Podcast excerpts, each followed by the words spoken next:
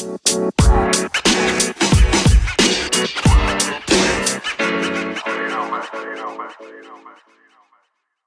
Ten odcinek podcastu Corpolandor słuchacie dzięki szkole najmu, czyli szkoleniu online, w którym ja i Darek dzielimy się naszą wiedzą odnośnie tego, jak inwestować w nieruchomości na wynajem. To szkolenie nauczy Was, jak zbudować dodatkowe źródło dochodu, a może w przyszłości nawet pozwoli Wam na życie z nieruchomości na wynajem. E, Więcej informacji o tym, co znajdziecie w naszym szkoleniu i o tym, jak do niego dołączyć, znajdziecie na stronie szkolanajmu.pl. A teraz zapraszam Was na dzisiejszy odcinek podcastu. Cześć wszystkim, witam Was bardzo serdecznie w kolejnym odcinku podcastu Corpolandrut, w którym mówimy o tym, jak inwestować w nieruchomości pracując na etacie. Ja nazywam się Paweł Kuryłowicz, jest ze mną Darek Matczak. Cześć. I mamy dzisiaj gościa, z którego zaproszenia, to, że przyjął nasze zaproszenie, jestem bardzo, bardzo szczęśliwy. Człowiek legenda, człowiek, który tak naprawdę chyba rozpoczął w ogóle cały ruch em, nieruchomościowy albo życia z nieruchomości w Polsce. Sławek Muturi. Witamy Cię Sławku. Cześć, cześć. Dziękuję bardzo za zaproszenie. Ja jestem niezmiernie podekscytowany tym, że jesteś naszym gościem, dlatego że trochę moja em, historia z nieruchomościami, moja przygoda z nieruchomościami zaczęła się od Twojej pierwszej książki. E, Z tego co czytałem e, ostatnio, ona została wydana w 2009 roku, tak? W Tak, tak. Freedomia, czy nie, to było wolność finansowa. Wolność finansowa dzięki inwestowaniu w nieruchomości, tak. I ja pamiętam, jak tą książkę czytałem w drodze na studia w Londynie, jak mieszkałem i jeździłem e, metrem, to, to wiesz, otwierałem ją sobie w metrze i czytałem za każdym razem, jak jechałem w jedną czy w drugą stronę. E, I, I pamiętam, że wtedy też pracowałem w nieruchomościach, ale w Londynie, tam dla kogoś, kto właśnie miał dużo nieruchomości je wynajmował. I tak się zastanawiałem, kurczę, da się to zrobić też w Polsce. Ktoś to robi też w Polsce. I tam w tej książce jest napisane, jak to zrobić w Polsce. Ja też chcę to mieć nieruchomości w Warszawie i chcę z nich żyć, tak? I, i, I pamiętam, że to mi otworzyło mega oczy, nie? A później jak, e, jak zobaczyłem jeszcze ile innych rzeczy robisz, to po prostu wielki, wielki szacun. No, dziękuję bardzo, dzięki, dzięki za ciepłe słowa. No i cieszę się, że tak naprawdę w którymś momencie mm, stanąłem na twojej drodze, tak? Ja postrzegam siebie trochę jak taki drogowskaz. Znaczy po prostu pokazuję, gdzie jest wolność finansowa, tak? Jak ktoś jest zainteresowany, to... Także odkąd pomyślałem o sobie, że jestem drogowskazem, to zacząłem też z większym szacunkiem patrzeć na te drogowskazy, które są na drogach. Znaczy często jedziemy drogą i nawet nie wiemy, że tam jest e, drogowskaz i co on wskazuje. Natomiast jak szukamy drogi, to nagle się okazuje bardzo przydatny. Tak. Ja przeczytam takie twoje krótkie bio dla tych, którzy ciebie nie znają, bo myślę, że nie ma sensu w tym podcaście y, mówić całej twojej historii związanej z nieruchomościami, bo ona jest niezmiernie ciekawa, natomiast wydaje mi się, że jest już wielokrotnie powtarzana w różnych audycjach, w różnych wywiadach. Także ja mam nadzieję, że będziemy w stanie zadać Ci takie pytania, których nigdy wcześniej nikt nie zadał. takie mamy przynajmniej dzisiejsze wyzwanie. E, ale dla tych, co Ciebie nie znają. E, Sławek Motury, 54-latek, urodzony w Łodzi, studiował w Warszawie, SGH i UW oraz w Londynie w MBA, e, MBA w London Business School. Przez dwa lata pracował w ONZ w Genewie, a potem 17 lat pracował w największych firmach doradczych Arthur Andersen i Deloitte. Jednocześnie kupował kolejne mieszkania na wynajem, co pozwoliło mu osiągnąć pełną wolność. Zrezygnował definitywnie z pracy w maju 2009 roku. W wieku 43,5 roku został rentierem. Od tego czas- czasu żyje pełnią życia. Co roku uczy się nowego języka i włada już 12. W Polsce spędza średnio około miesiąca rocznie, a pozostałą część roku wykorzystuje na to, co kocha najbardziej, czyli na podróże po całym świecie. Odwiedził już co najmniej dwukrotnie każdy kraj świata, a w 2021 roku zrobi to po raz trzeci, e, czym wpisze się do Księgi Rekordów Guinnessa. Wow. To, jest opis z Twojego e, bloga. Freedoma. O, okej, to nawet nie wiedziałem. Także, także mam nadzieję, że to wiarygodny jest film. wiarygodne, tak, tak, jest wiarygodne. Nawet nie wiedziałem, że to zamieściliśmy na Fridowi. E, Znaczy, z tego, z tego co, co tutaj czytam, to ty jesteś ewidentnie jakby przykładem osoby, o której chcemy jakby którą mamy taki ideał, wiesz, w głowach, jeżeli myślimy o tym, że ktoś pracuje na etacie, a później przechodzi e, właśnie na wolność finansową związaną z nieruchomościami. Tylko ty jesteś już ten level ekspert, nie? Jakby dzięki temu, Wiesz, mówisz, że ekspert, no to, no to powinienem to zrobić 10 tysięcy razy. Ja zrobiłem tylko raz. Ale... Ale level ekspert, że doszedłeś do tego momentu, tak? Jakby osiągnąłeś najwyższy, najwyższy poziom wtajemniczenia, inwestując w nieruchomości, pracując na etacie. E, Okej, dzisiaj porozmawiamy trochę na temat tego, co się dzieje na rynku obecnie, jakby jak ty na to patrzysz y, okiem osoby, która jest mega doświadczona w nieruchomościach. E, A ja prób- próbuję ci zapozadawać trochę takich podchwytliwych pytań i jeżeli coś jest takiego, co może nie chcesz się dzielić z nami tą wiedzą, to po prostu powiedz, że jakby Następne nie chcę o tym, nie chcę Tak. o tym mówić, następne pytanie, jakby nie ma problemu w tym, a ja będę i tak próbował wiesz, wyciągnąć ciebie jak najwięcej. Okej.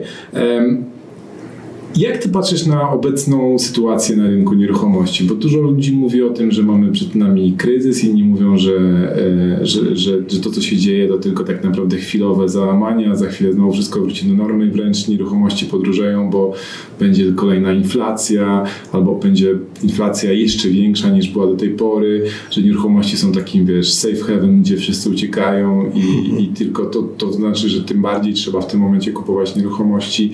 Deweloperzy mówią, że ci nic nie dzieje, później pokazują, że pierwszy kwartał 2020 roku, wiesz, połowa e, spadki, tak, sp- spadki o 50% sprzedaży. Jak ty na to, jak to ty to wszystko widzisz? Czy ty w ogóle obserwujesz, jakoś, masz jakiś komentarz wobec tej historii całej, która się dzieje? Tak, to znaczy, e, wiesz, no po pierwsze to, no pierwsze mieszkanie kupiłem w 98 roku, to już 22 lata temu, Gdzie? w, w Warszawie, w centrum. Tak, tak, wtedy mieszkałem w Warszawie. Czekał na to, tak. czekał. On tylko tak, wiesz, zapisał sobie, zapytać się gdzie. Tak, tak. No to pierwsze mieszkanie to w ogóle nawet nie tak daleko stąd, bo przy, przy Alei Solidarności. E, Kolejne to było przy rondzie ONZ. E, Trzecie mieszkanie to było jeszcze bliżej centrum, bo przy ulicy Złotej, e, naprzeciwko Złotych Tarasów, po drugiej stronie Jana Pawła. I dopiero chyba może piąte albo szóste mieszkanie kupiłem w Łodzi. No nie, moje serce po prostu tutaj aż mnie boli. Ja czytałem twoją książkę też e, trochę później niż Paweł, ale dzięki tobie też zmotywowałem się, żeby w Łodzi inwestować w swoim rodzinnym mieście, bo widziałem, że ty to robisz, więc mówię, kurde, no to, to nie może być tak, jak ludzie mówią, że to będzie przyszłe Detroit, tak? Tak, tak, ale wiesz, odkąd w 2006 tak naprawdę zacząłem inwestować pra- praktycznie tylko w, w Łodzi. E, już przestałem kupować mieszkania w Warszawie. E, I też jest taka ciekawa historia, że Ogólnie ceny mieszkań w Polsce zaczęły rosnąć około 2004-2005 roku, jak weszliśmy do, do Unii Europejskiej. E, To tutaj zaczęli przyjeżdżać e, Anglicy, Irlandczycy, Hiszpanie i inni i zaczęli masowo wykupywać. Znaczy takie duże deale, no masowo to może przesada, ale tam powiedzmy no, po kilkadziesiąt sztuk, czasami nawet więcej mieszkań. E, Oni to kupowali głównie spekulacyjnie, bo liczyli, wiedzieli jak to się wydarzyło u nich i wiedzieli, że po prostu ceny wzrosną. E, Więc i, i ceny najpierw zaczęły rosnąć w Warszawie, może też w innych miastach, no ale wtedy tak się nie rozglądałem po całej, po całej Polsce. I dopiero z około półtoraletnim opóźnieniem w lipcu 2006 roku, może dwuletnim opóźnieniem, w lipcu 2006 roku w Łodzi ceny zaczęły rosnąć z tygodnia na tydzień. Jak ja to widziałem, to zacząłem jeździć, bo akurat miałem więcej gotówki, którą chciałem zainwestować. I To znaczy ile? ile? E, Wiesz co, nie pamiętam dokładnie jaka to była kwota. No powiedzmy... Ale to wiesz, nie chodzi o kwotę, tylko Kwotę? jakby moc nabywczą. To były ka- kasa na 2-3 mieszkania, czy Nie, nie, nie. 15? No bardziej 15, bo może 30, to znaczy coś takiego. Em, Bo wtedy w Łodzi można było kupić mieszkanie w bloku z wielkiej płyty albo w kamienicy, powiedzmy w centrum, czyli mam na myśli albo, albo bliski, bliskie Bałuty, czyli tam powiedzmy ale ulica, nie wiem, Wielkopolska, nie, pamiętam teraz jak się to nazywa, Aleja Wielkopolska. I i wtedy można było kupić mieszkanie, taką kawalerkę, bo ja właściwie specjalizowałem się w kawalerkach. To ceny były tam powiedzmy już 25, 27, 30 tysięcy złotych. Wakasy. Tak, tak. To wiesz, ale, ale w lipcu 2006 roku e, ceny zaczęły rosnąć z tygodnia na tydzień. To znaczy, to było tak, że ja e, jeździłem do Łodzi dwa razy w tygodniu. W środy, dlatego że w środę ukazywała się gazeta Dom. E, wtedy nie było internetu, tam, no może był, ale nie było chyba portali internetowych, przynajmniej nie kojarzyłem. E, więc w środy jeździłem, miałem tam kilku takich e, pośredników, więc wyjeżdżałem z Warszawy, powiedzmy tak gdzieś po drugiej, po, po lunchu, czy w czasie lunchu e, wyjeżdżałem do Łodzi. Nie było wtedy też autostrady, jeździło się tam przez, przez nie wiem, Rawę Mazowiecką. No ale w, w każdym razie przyjeżdżałem do Łodzi i oglądałem z tymi pośrednikami na przykład 15 mieszkań, z czego 10 kupowałem. Znaczy ja nie jeździłem tam oglądać, ja jeździłem kupować, tak? To znaczy, więc kupowałem no, na przykład 10 mieszkań, On mówi, że, W środę? że, nie, że nie jest level expert. Nie, nie. tak. Jeździłem, oglądałem 15 10 kupowałem, a co? Tak. I, I wiecie, i potem umawiałem, umawiałem e, notariusza na soboty, więc drugi raz jeździłem w sobotę i rano powiedzmy od 8 do 14, powiedzmy tam co pół godziny miałem jakąś, jakiś akt. I, a potem od 14 znowu oglądałem mieszkania, powiedzmy tam do, do 21 czy do 22. Żeby w środę mieć co robić u notariusza. Tak, nie, nie, notariusz był tylko w soboty, bo jakoś nie chciałem tak tracić czasu, to znaczy, więc miałem taką zaprzyjaźnioną panią, panią notariusz. Która żyła tylko z ciebie. W, so, w soboty, tak, w weekendy. Ona w ogóle, na, nawet to było tak, że ona nie chciała pracować w soboty, ale no jakoś jak tak ją namówiłem do tego i potem rzeczywiście, to znaczy w sobotę już wiedziała, że to znaczy Każdy ma swoją tak, tak, tak, tak, ale bardzo fajna pani notariusz, to znaczy naprawdę dużo mi tak pomogła, pewne rzeczy jakby sprawdzała i mówiła, "Mm, to fajna cena i coś, ale lepiej tego nie kupować z jakichś tam względów. Także czasami nawet po prostu odpuszczałem, tak, to znaczy no, kupowałem trochę masowo, tak, to znaczy, ale nie wiem właściwie dlaczego zacząłem o tym opowiadać, bo, bo mówiliśmy o kryzysie, o kryzysie, tak, tak. tak.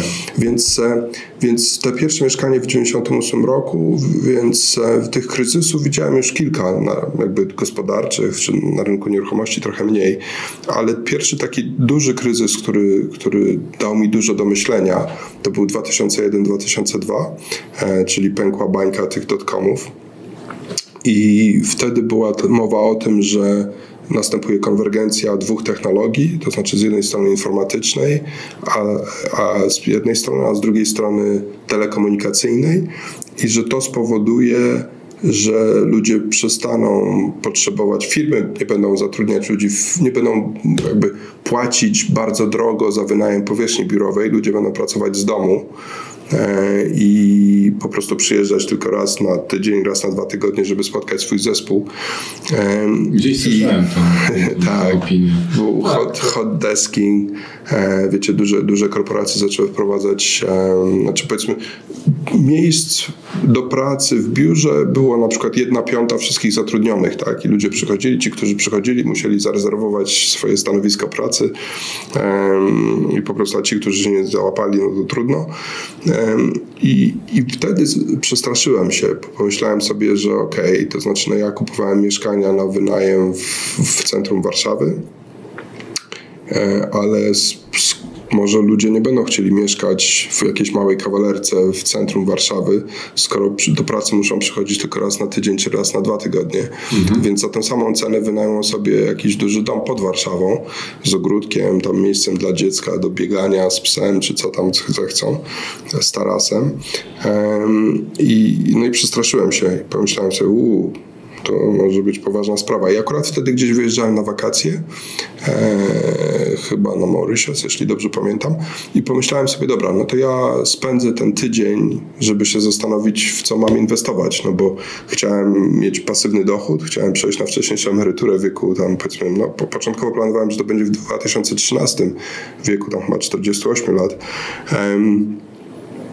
I, I podstawą tego miał być przychód z najmu mieszkań, no ale jeżeli ludzie przestaną mieszkać, no to trochę mam jakby problem, tak? I wyobraźcie sobie, że pojechałem na to, na to Mauritius i od razu chyba pierwszego wieczoru tam poszedłem na plażę, no bo mówię, dobra, teraz muszę się nad tym zastanowić. I zacząłem się zastanawiać i chyba już po pół godzinie doszedłem do wniosku, że właściwie nie mam się o co bać, bo uświadomiłem sobie wtedy, chociaż ja nie jestem historykiem i jakby historia, no to zwykle jest moją taką słabszą stroną. Może nie aż tak słabą jak informatyka, ale powiedzmy, to, to też nigdy nie powiem jakąś miłością do historii. I, ale uświadomiłem sobie, że miasta powstały 2, 3, 4 tysiące lat temu nie dlatego, że to były miejsca, gdzie była praca. Ludzie nie zaczęli przyjeżdżać do miasta, bo tu była praca. Praca była na roli, to znaczy to po prostu tam była praca. E, a tutaj ludzie zaczęli przyjeżdżać do miast, tworzyć w ogóle miasta, e, no bo po prostu jesteśmy zwierzętami stadnymi, no i lubimy jakby być w stadzie, tak? To znaczy, więc, e, więc doszedłem do wniosku, że w sumie chyba nie mam się czego obawiać. I wróciłem do Polski. Zamiast myśleć o tym 5 dni, to po prostu mi starczył ten jeden wieczór. Przestałem już o tym myśleć i inwestowałem dalej, tak? Więc to był. Czyli jak mamy problem, to mam tritrius i pół godziny na plaży. Tak. Paweł, lecimy. Tak. To jakieś miejsce, żeby po prostu trochę się jakoś tam zmienić otoczenie. Wie, wiecie, ja wtedy pracowałem bardzo intensywnie um, jako konsultant, to znaczy no to naprawdę to było po kilkanaście godzin dziennie i piątek do poniedziałek do niedzieli po prostu bardzo intensywnie, więc tak nie było czasu, żeby tak się powiedzmy z, z, zastanawiać nad głupotami, tak, e, które nie, nie mają związku z konkretnie jakimś tam jednym z projektów, którymi zarządzałem. E, więc stąd jakby pomysł na to, że po prostu zastanowię się, jak polecę na wakacje. I, i to był pierwszy kryzys, taki poważniejszy. On e, powiedzmy gdzieś w Stanach najwięcej, jak, jak powiedzmy pękła ta bańka, no to był krach na giełdzie, to miało jakieś przełożenie trochę na, na gospodarkę w realu, ale właściwie w Polsce on był praktycznie nieodczuwalny, jeżeli chodzi o gospodarkę. No bardziej odczuwalny oczywiście był ten w 2008-2009, no to wtedy już byłem powiedzmy takim no, trochę zaawansowanym inwestorem. I, I też było ciekawie, bo ten kryzys zaczął się chyba, jeśli dobrze pamiętam, w 2008 w październiku, jakoś tam Lehman Brothers. Znaczy on wcześniej już tam, powiedzmy, y, ta, ta, ta bańka nieruchomościowa pękła wcześniej, ale to jeszcze się nie przełożyło na, na, na kryzys gospodarczy, tak, e, finansowy, gospodarczy.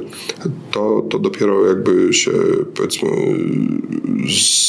skrystalizowało e, jeśli dobrze pamiętam, to właśnie w październiku 2008 roku. I to był dla mnie o tyle ciekawy okres, że ja rok wcześniej powiedziałem swoim szefom, swoim partnerom w Deloitte, że będę rezygnował z pracy w maju 2009, 2009 roku. I, I u nas była taka zostawa, byłem partnerem, więc musieliśmy dać 6 miesięcy, jakby powiedzieć o tym 6 miesięcy wcześniej. Ja zrobiłem to 18 miesięcy wcześniej, ale 6 miesięcy wcześniej to był właśnie ten październik, listopad 2008 roku, gdzie już oficjalnie złożyłem papiery, że, że rezygnuję. I, I moi szefowie, moi koledzy, koleżanki jakby nie wierzyli. To znaczy, jak to teraz? To to znaczy, wiesz, jakby dobrze ci idzie, masz super zespół, masz fajnych klientów. Ja wtedy rozwijałem konsulting na Bałkanach, czyli głównie Rumunia, Bułgaria, ale powiedzmy też tam trochę Albania, e, mniej Mołdawia i Kosowo i inne. I naprawdę bardzo fajnie mi szło, to znaczy powiedzmy byłem tam dwa i pół roku i to znaczy to zaczynało nabierać już takich kształtów, jak, jakie sobie założyłem w strategii. E, no i wtedy składałem te papiery i powiedzmy ludzie pytali, no ale zaraz, jak to? To znaczy z czego ty będziesz żył? To znaczy teraz w środku kryzysu? No zobacz. I rzeczywiście jak wracałem do domu i włączałem CNN, no to, no to były te obrazki takie słynne, sławne, że powiedzmy no ludzie wychodzili z tych dużych biurowców gdzieś tam na Wall Street e, z takimi kartonikami tam powiedzmy ze swoimi rzeczami osobistymi, tam zdjęcia rodziny, czy tam nie wiem co, e, jakieś pamiątki osobiste e, i po prostu dostawali tak zwane pink slip, czyli to rozumiem jest takie zwolnienie w Stanach, to jest na jakimś różowym papierze, nie wiem, tak historycznie, tradycyjnie no i, i, i, ja powiedzmy no, w środku tego wszystkiego rezygnuję z bardzo dobrze płatnej pracy, z wysokiego stanowiska, jakby no, z, z zespołu, który jakby super działa, ma dobre wyniki, ponad plan i tak dalej. Więc, więc też to tak. Jakby... z własnego dziecka. Trochę, tak, tak. Szalony. Tak, Szalony. Tak.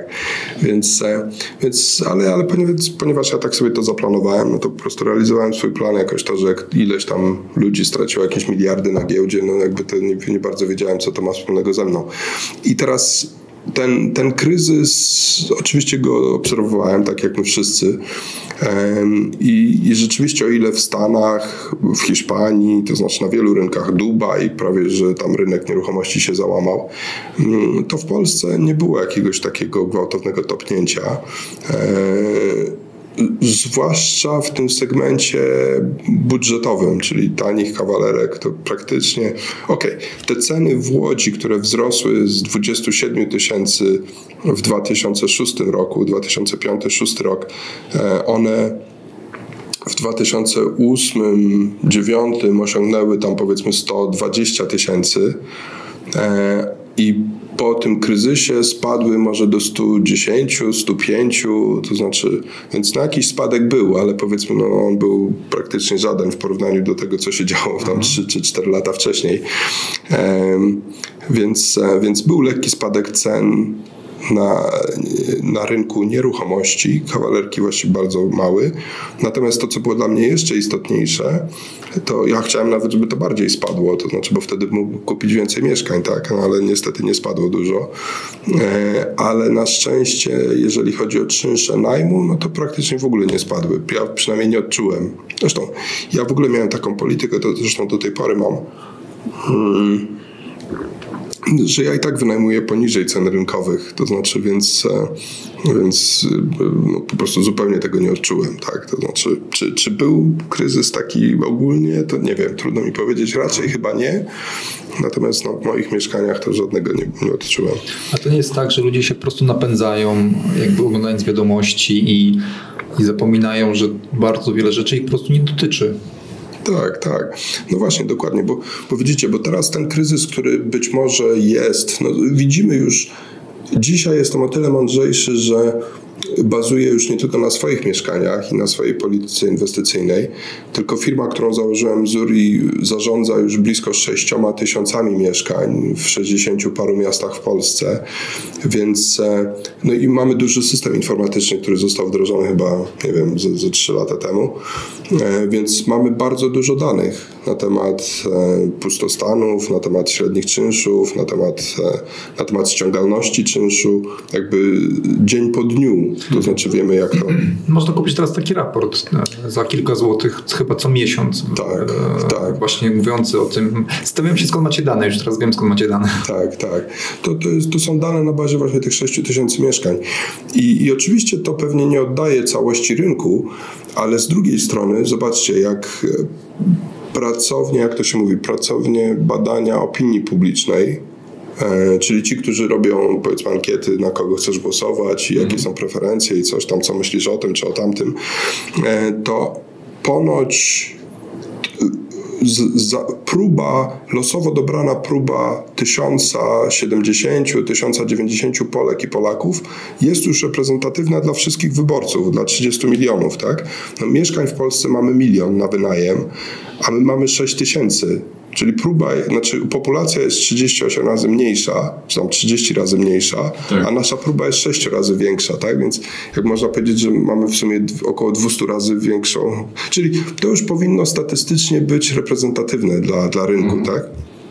I dlatego właśnie zdecydowaliśmy się podzielić tymi wiadomościami, znaczy tymi informacjami, tymi danymi, e, właśnie za te parę złotych. E, nie musielibyśmy, ale właśnie robimy to, żeby, żeby ludzie wiedzieli, co się dzieje na rynku i podejmowali decyzje w oparciu o rzeczywiste dane, a nie o jakieś zasłyszane anegdoty, historyjki, to znaczy powiedzmy, no bo wiemy, że jest po prostu mnóstwo szumu informacyjnego, tak? I, i, i chcemy uniknąć, żeby, żeby ludzie po prostu nie panikowali, żeby właściciele mieszkań nie panikowali, dlatego że no, łatwo jest wywołać na przykład wojnę cenową. E, ale później to naprawić no jest dużo trudniej, tak? To znaczy, no ja nie mam żadnego interesu, nie mamy, chyba nikt z nas nie ma tak naprawdę interesu, ci, którzy inwestują w mieszkania, żeby wywoływać wojnę cenową. Myślę, że to nawet nie byłoby w interesie najemców, bo okej, krótkoterminowo fajnie, może ceny spadną i coś tam, natomiast e, ludzie by się wycofywali z tego rynku i coś tam i to ostatecznie i tak by się skończyło tym, że ceny i tak pójdą w górę, to znaczy pewnie jeszcze bardziej niż gdyby po prostu tak stopniowo się rozwijało, tak? W ogóle Sławku, bardzo czy- fajny raport. No, no.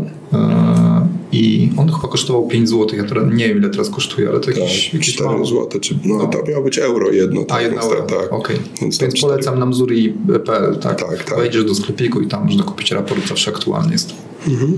Ja mam pytanie, które mi się nasunęło po tym, co powiedziałeś przed sekundą, e, że ty nie masz interesu w tym, żeby wywołać wojny ce- cenowe.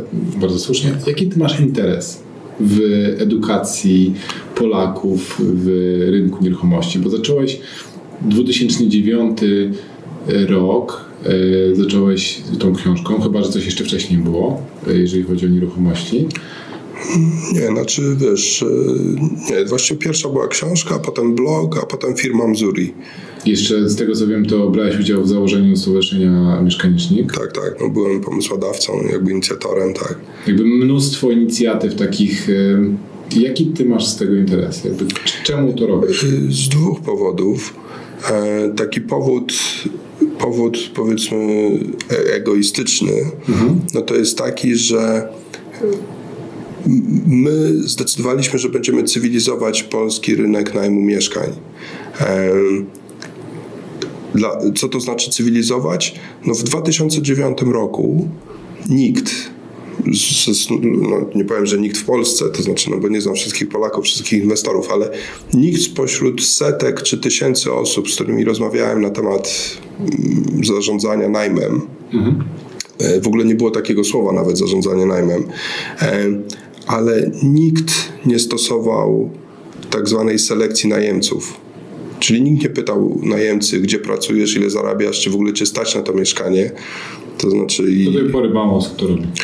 No teraz pewnie mało, ale już dużo, dużo więcej niż, niż w 2009 roku. W 2009 roku, jak pierwszy raz o tym mówiłem, to ludzie mnie wyśmiewali. To znaczy, pamiętam, że kiedyś byłem zaproszony, może w 2010 byłem zaproszony na, na konferencję warszawskich pośredników. Nie wiem, była jakaś organizacja, nie pamiętam jak się dokładnie nazywa. Zresztą byłem też na takiej konferencji też w Łodzi. I tam było powiedzmy, nie wiem, 500-600 osób na sali, gdzieś tam pamiętam, że w Bibliotece Narodowej. I, I pamiętam, że miałem, zaprosili mnie, żebym opowiedział o perspektywie inwestora, czyli no, pośrednikom powiedzieć, a czego szuka inwestor, tak? To znaczy, i miałem takie, nie wiem, godzinne wystąpienie czy ileś. I, I pamiętam, że zadałem im pytanie, to znaczy, a kto z Was w ogóle ma mieszkanie na wynajem? I, i no, spodziewałem się tak, jak się spodziewałem. Rękę podniosło, powiedzmy tam, no nie wiem, kilkaset osób. Em, I zadałem im pytanie, to znaczy, a kto z Was stosuje selekcję najemców? Wiecie, co to jest? Nie. No to selekcja najemców to jest właśnie to, żeby no, nie, nie dawać kluczy do mieszkania pierwszej osobie, która jakby zaakceptuje czynsz, tak, i to mieszkanie, tylko zapytać właśnie, gdzie pracuje, ile zarabia i tak dalej. I wiecie, że w ogóle to po pierwsze nikt tego nie robił, no to te, to wiedziałem, ale po drugie, to znaczy oni zaczęli mnie atakować, że w ogóle bez sensu gadam. No to, co powiedziałem w czasie tego prezentacji było sensowne, no to teraz to wymyśliłem jakąś głupotę, to się w ogóle nie da w Polsce zrobić, to jakiś amerykanizm, jakieś wymysły i coś tam. I, a dlaczego się nie da? No dlatego się nie da, bo, bo najemcy po, po prostu obrócą się na pojęcie Obrażą i pójdą, się. obrażą się i powiedzą, a co ci do tego, to znaczy gdzie ja pracuję, ile zarabiam, po prostu spada i pójdą do, do, do, do sąsiada, tak? No dzisiaj Przepraszam, dygresja. Darek, na jaki bank ostatnio się obraziłeś, że ci nie dali karty kredytowej? No nie mogę powiedzieć, ma siedzibę w Łodzi. Cholera. A, no tak, to kojarzę, który... I jakby wiesz, to sama selekcja, tak? Tak. Jakby, tylko, że mając swoje jedno mieszkanie na wynajem, które kosztuje kilkaset tysięcy złotych, masz o wiele większe ryzyko niż wielki bank, który ci chce pożyczyć parę Dokładnie. tysięcy złotych na kartę. I wiesz, ja tak na przykład używałem takiego przykładu, że wiesz, że e, wyobraźcie sobie, że założyliście sklep. Sklep z czymkolwiek. To nie musi to być biżuteria, tak? No, mogą to być książki, no nie wiem, cokolwiek. I potrzebujecie pracownika i dajecie ogłoszenie, to znaczy przyjmę do pracy I co? I pierwsza osoba, która przyjdzie i powie, że tam powiedzmy, no okej, okay, bierze to, ile, ile płacisz, no tam 3000 miesięcznie, dobra, to biorę tę pracę, to od razu dajesz jej umowę, klucze do sklepu i po prostu pap, i cześć, zobaczymy się za miesiąc, tak? To znaczy, no, no nie, no oczywiście, że tak się nie zrobi. A z mieszkaniem? To znaczy, wiesz, też jest warte kilkaset tysięcy złotych, tak? To znaczy, i wiesz, i, i więc to była taka praca u podstaw, żeby ludziom wyjaśnić. Dzisiaj na spotkaniach, na przykład Stowarzyszenia Właścicieli Mieszkań na Wynajem, to znaczy gdzieś to, to jak już zadaję pytanie, kto z Was ma mieszkania i podnoszą się ręce, to teraz opuśćcie ręce ci, którzy nie stosują selekcji najemców, no to praktycznie się to nie zmienia, tak? To znaczy wszyscy stosują, znaczy wszyscy, którzy przychodzą na takie spotkanie.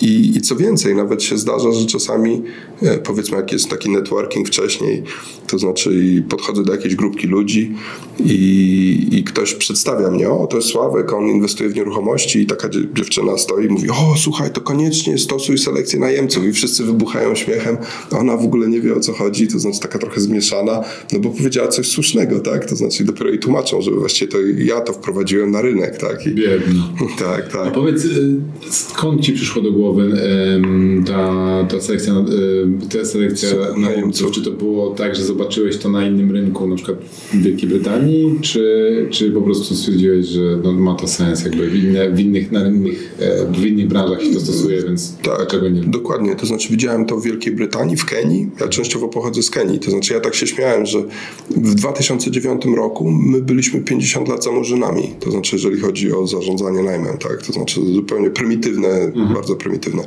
I więc widziałem to w Kenii, w Wielkiej Brytanii, w, w mieszkaniówce, ale widziałem to też w Polsce tylko w sektorze najmu komercyjnego. Mhm. Czyli powiedzmy, nie wynajmiesz sobie biura gdzieś tam w jakimś biurowcu klasy A, twoja firma nie wynajmie biura, jeśli nie pokaże bilansu, rachunku wyników, to znaczy w ogóle kim wy jesteście, tak? Czy was w ogóle stać na to? Bo to, że dzisiaj macie pieniądze, żeby zapłacić za miesiąc i tam za, za trzy, nie wiem, za trzy kaucje i coś, no to fajnie, ale jak chcemy widzieć, z czego będziecie płacić w przyszłości, tak?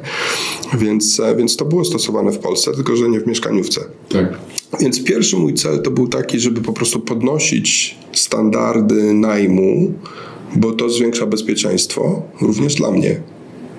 Tak? Jakby powiedzmy, my zaczęliśmy jako Mzuri stosować selekcję najemców, żeby dbać o majątek, który jest nam powierzany przez naszych klientów. I, ale jakby trochę uderzaliśmy w ścianę, w ścianę niezrozumienia, no bo to nie była praktyka ogólnorynkowa, tak, tylko mhm. nasza, która była odmienna od ogólnorynkowej, więc, więc dlatego postanowiliśmy jakby cywilizować ten rynek, żeby, żeby to się stało po prostu praktyką ogólną, tak, i, i powiem wam, że wiecie, to znaczy tak jak to się mogło wydawać jakąś mrzonką tam w 2009-2010 roku, no to dzisiaj już widzę, że to nie jest mrzonka. To znaczy dzisiaj już nie, nie słyszałem o tym, żebyśmy stracili najemcę, bo pytamy go, gdzie pracuje. To znaczy to już zaczyna być po prostu standard rynkowy.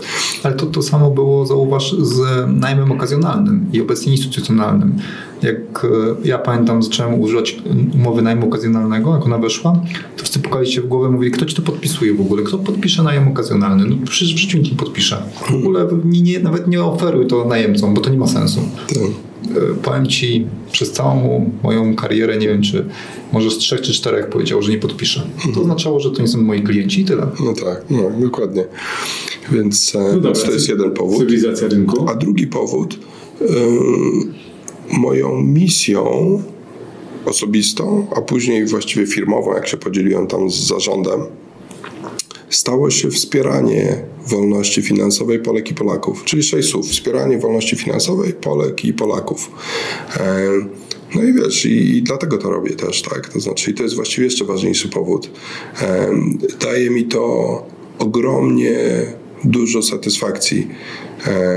Jak na przykład, nie wiem, no, takich przykładów mógłbym mnożyć, ale kiedyś leciałem na Grenlandię przez Islandię i wylądowałem, powiedzmy tam, no nie w Reykjaviku, tylko Keflavik, chyba to lotnisko się nazywa, i ta, ta miejscowość. I wiecie, wysiadam z samolotu, posiedziałem gdzieś tam z tyłu, no więc dużo pasażerów wyszło przede mną.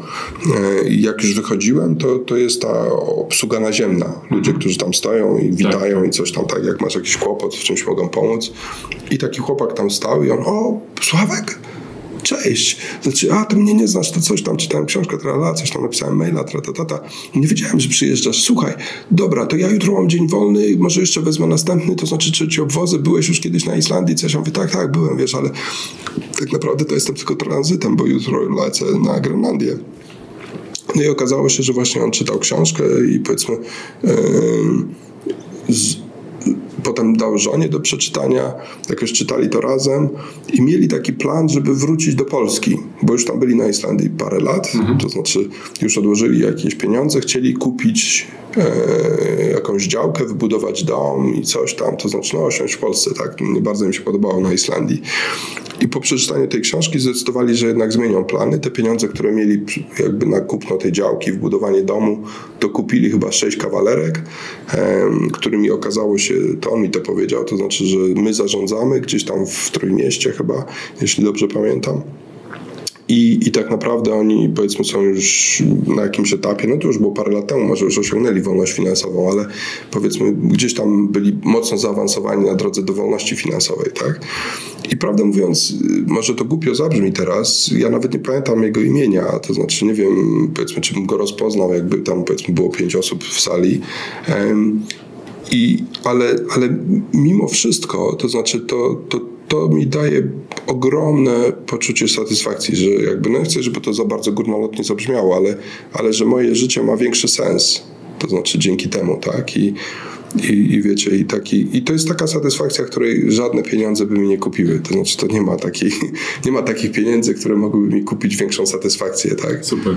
Więc, więc tak naprawdę to, to są te dwa powody, tak? To znaczy, hmm. dla których e, wiesz, dzielę się i jakby dzielenie się swoją wiedzą poprzez pisanie książek, czy bloga, czy tak jak dzisiaj, to ja, dzięki za zaproszenie, bo dla mnie to nie jest taka zwykła rozmowa. Dajecie mi możliwość tego, żebym realizował moją misję, tak? Więc, e, więc e, jestem bardzo wdzięczny wam i wszystkim, Widzisz? którzy słuchają. Tak. Mówiłem, że coś fajnego robimy, a nie tak. tylko. Bo cały czas mi mówi, że po co się będziemy spotykać znowu, tak. jajku, co dwa tygodnie. Tak, tak. Dokładnie, jestem bardzo wdzięczny i wam też, jak oglądacie i słuchacie. Um, więc... Pozdrawiamy wszystkich tak, oglądających na YouTubie. Tak, Można też zobaczyć Sławka i nas na YouTubie. Tak. Więc, um, ale, ale wracając jakby do tego kryzysu też, więc, więc ten kryzys w tej chwili, który, który jakoś się zaczyna i mamy te dane i tak jak właśnie mówisz Darek, znaczy one są dostępne, jakby uaktualniane chyba nawet co dwa tygodnie e, odnośnie tam takich kilku kluczowych wskaźników, to znaczy, które my monitorujemy, czyli my, znaczy mam na myśli zarząd Bzuri, monitoruje tak naprawdę codziennie, mhm. to znaczy oni codziennie dostają jakby z tego systemu informatycznego raporty, ile się dzisiaj wynajęło mieszkań, ile dzisiaj się zwolniło mieszkań, ile powiedzmy się umów przedłużyło czy tak zwane aneksowanie u nas, e, ile spłynęło, ile jeszcze nie spłynęło gotówki za, teraz mamy jaki miesiąc, czerwiec, tak, to znaczy 10, 14 czerwca, no, więc oni codziennie monitorują, ile jeszcze gotówki nie spłynęło z czynszów najmu tych 6 tysięcy mieszkań 14 czerwca i 15 i 16 i 17, jak to się porównuje do 15 e, czerwca poprzedniego roku, do 15 maja tego roku, do 15 kwietnia tego roku i tak dalej. Tak, więc e, tak, tak, tak. Więc mamy po prostu takie ileś takich wskaźników, e, które monitorujemy i jakby widać pewne spowolnienie, to znaczy dzisiaj na przykład tych pustostanów mamy, nie, nie, wiem ile dzisiaj, bo ja akurat ja nie dostaję tego codziennie, tak, i jakby no wyżej jak zapytam. E, natomiast na koniec maja tych pustostanów mieliśmy dużo więcej niż na koniec maja poprzedniego roku. To nie jest do końca porównywalne, bo, bo nam przybyło w międzyczasie pewnie tam, nie wiem, z tysiąc mieszkań, tak? Więc jakby samo porównanie jakby liczby nominalnie, no to tam, ale, ale procentowo też to trochę wzrosło. Głównie dlatego, że w kwietniu, kwiecień był bardzo słaby, to znaczy wynajęliśmy tylko połowę mieszkań, liczbę mieszkań, które wynajęliśmy w kwietniu poprzedniego roku, więc kwiecień był bardzo słaby. Maj za to był dużo lepszy od maja poprzedniego roku, ale jeszcze nie nadgonił jakby e, całości, więc ten inwentarz pustych mieszkań nam trochę przyrósł. Ściągalność należności mniej więcej jest podobna jak była, to znaczy tak naprawdę to y, jakby nie ma dużej różnicy, więc to jest też bardzo ważne. Um, umów najmu, no to tak jak mówię, no w kwietniu podpisaliśmy mniej, ale w maju już więcej, także no zobaczymy, co czerwiec przyniesie. Więc jakieś chmury, powiedzmy tam na horyzoncie widać. To znaczy na razie to nie jest jeszcze ulewa, to nie jest gradobicie, to nie jest jakiś tam kataklizm, to znaczy coś tam widać, że się zbiera na deszcz, tak? I, i, i teraz tak, w, w, było coś takiego, że w kwietniu, pod koniec kwietnia, czyli to już półtora miesiąca temu, jeden z czytelników mojego bloga freedom, na freedomia.pl, na który też oczywiście zapraszam, e, napisał, że w czerwcu będziemy mieli kryzys urodzaju na rynku mieszkań. I miał na myśli to, że e, powiedzmy z jednej strony spada popyt na mieszkania, bo bezrobocie, bo studentów nie ma, czy tam powiedzmy uczelnie są zamknięte, chociaż to nie oznacza, że nie ma studentów, bo studenci nie tylko uczą się, ale też pracują, tak? Więc, tak. No, więc to nie jest aż tak źle. No i Ukraińcy wyjechali, więc po stronie popytu jest załamanie, z drugiej strony podaż z kolei wzrosła, bo ci, którzy wynajmowali na krótki termin, to oni już ze ścianą się zderzyli, to tak. znaczy jakby po prostu uderzyli w ścianę i koniec, tak? To znaczy praktycznie to, ten rynek się skończył z dnia na dzień. I część z właścicieli decydowała, no dobra, to poczekamy. Część przerzucała to na najem długoterminowy, a ci, którzy poczekali, okazuje się, że to wcale się szybko nie skończy, więc pewnie przerzucą jeszcze więcej na najem długoterminowy. Inny czynnik po stronie podaży to jest taki, że spadło oprocentowanie lokat bankowych praktycznie do zera może kiedyś nawet będą już minusowe, no na razie są zero, więc też ludzie wyciągają pieniądze i no, co z tym pieniędzmi robić, to znaczy alternatywy, czyli giełda, no nie wiem co teraz się dzieje na giełdzie, ale był taki okres, gdzie po prostu tam taki roller coaster, właściwie tak jak ruletka, tak nie wiadomo czy, czy będzie czerwone, czy czarne, czy takie, po prostu e, pewnie jeszcze bardziej niż zwykle. Więc, więc no, gdzie lokować pieniądze? No, nieruchomości są tym takim miejscem, taką stabilną przystanią i tak dalej. Tak? Więc, więc ten czytelnik, spodziewając się, że będzie z jednej strony kry, kryzys jakby na stronie popytu, a z drugiej strony nadpodaż, nazwał to kryzysem urodzaju. Mhm. I, I niestety on mi nie odpisał, bo ja go zapytałem, znaczy ile, ile ty masz lat, czy ty pamiętasz czasy PRL-u? Wy też pewnie słabo pamiętacie albo wcale. Natomiast e, kryzys urodzaju czy klęska urodzaju to było pojęcie z PRL-u. Po prostu ja to pamiętam. To znaczy, to jest tak, że powiedzmy sady, jab jabłonie obradzały, było wyjątkowo dobre lato i po prostu duże zbiory tych jabłek i, i włodarze zamiast się cieszyć, to się martwili. I czym się martwili? No martwili się tym, że... Spadną ceny. Nawet nie, nawet bardziej tak prozaicznie. Wiesz, ceny były kontrolowane, więc jakby no. one nie mogły spadać. To znaczy... Kto zbierze wiesz, pewnie, tak? Był inny problem. Problem, kto zbierze, to nie wiem, tego nie słyszałem, ale problem był taki, że na przykład w punktach skupu brakowało powierzchni magazynowej, bo część z magazynu, tam dach się zawalił trzy lata temu, tam przecieka, coś tam to, to się nie nadaje tak naprawdę do użytkowania, e, więc jest ograniczona przestrzeń magazynowa, no i po prostu te jabłka się nie mieszczą, więc to jest problem. W tych punktach skupu, gdzie było wystarczająco przestrzeni magazynowej, z kolei brakowało ciężarówek, które by przewiozły te jabłka, to znaczy z tego magazynu gdzieś tam do, nie wiem, przetwórni, do, do na rynek, gdzieś tam, tak? nie było ciężarówek.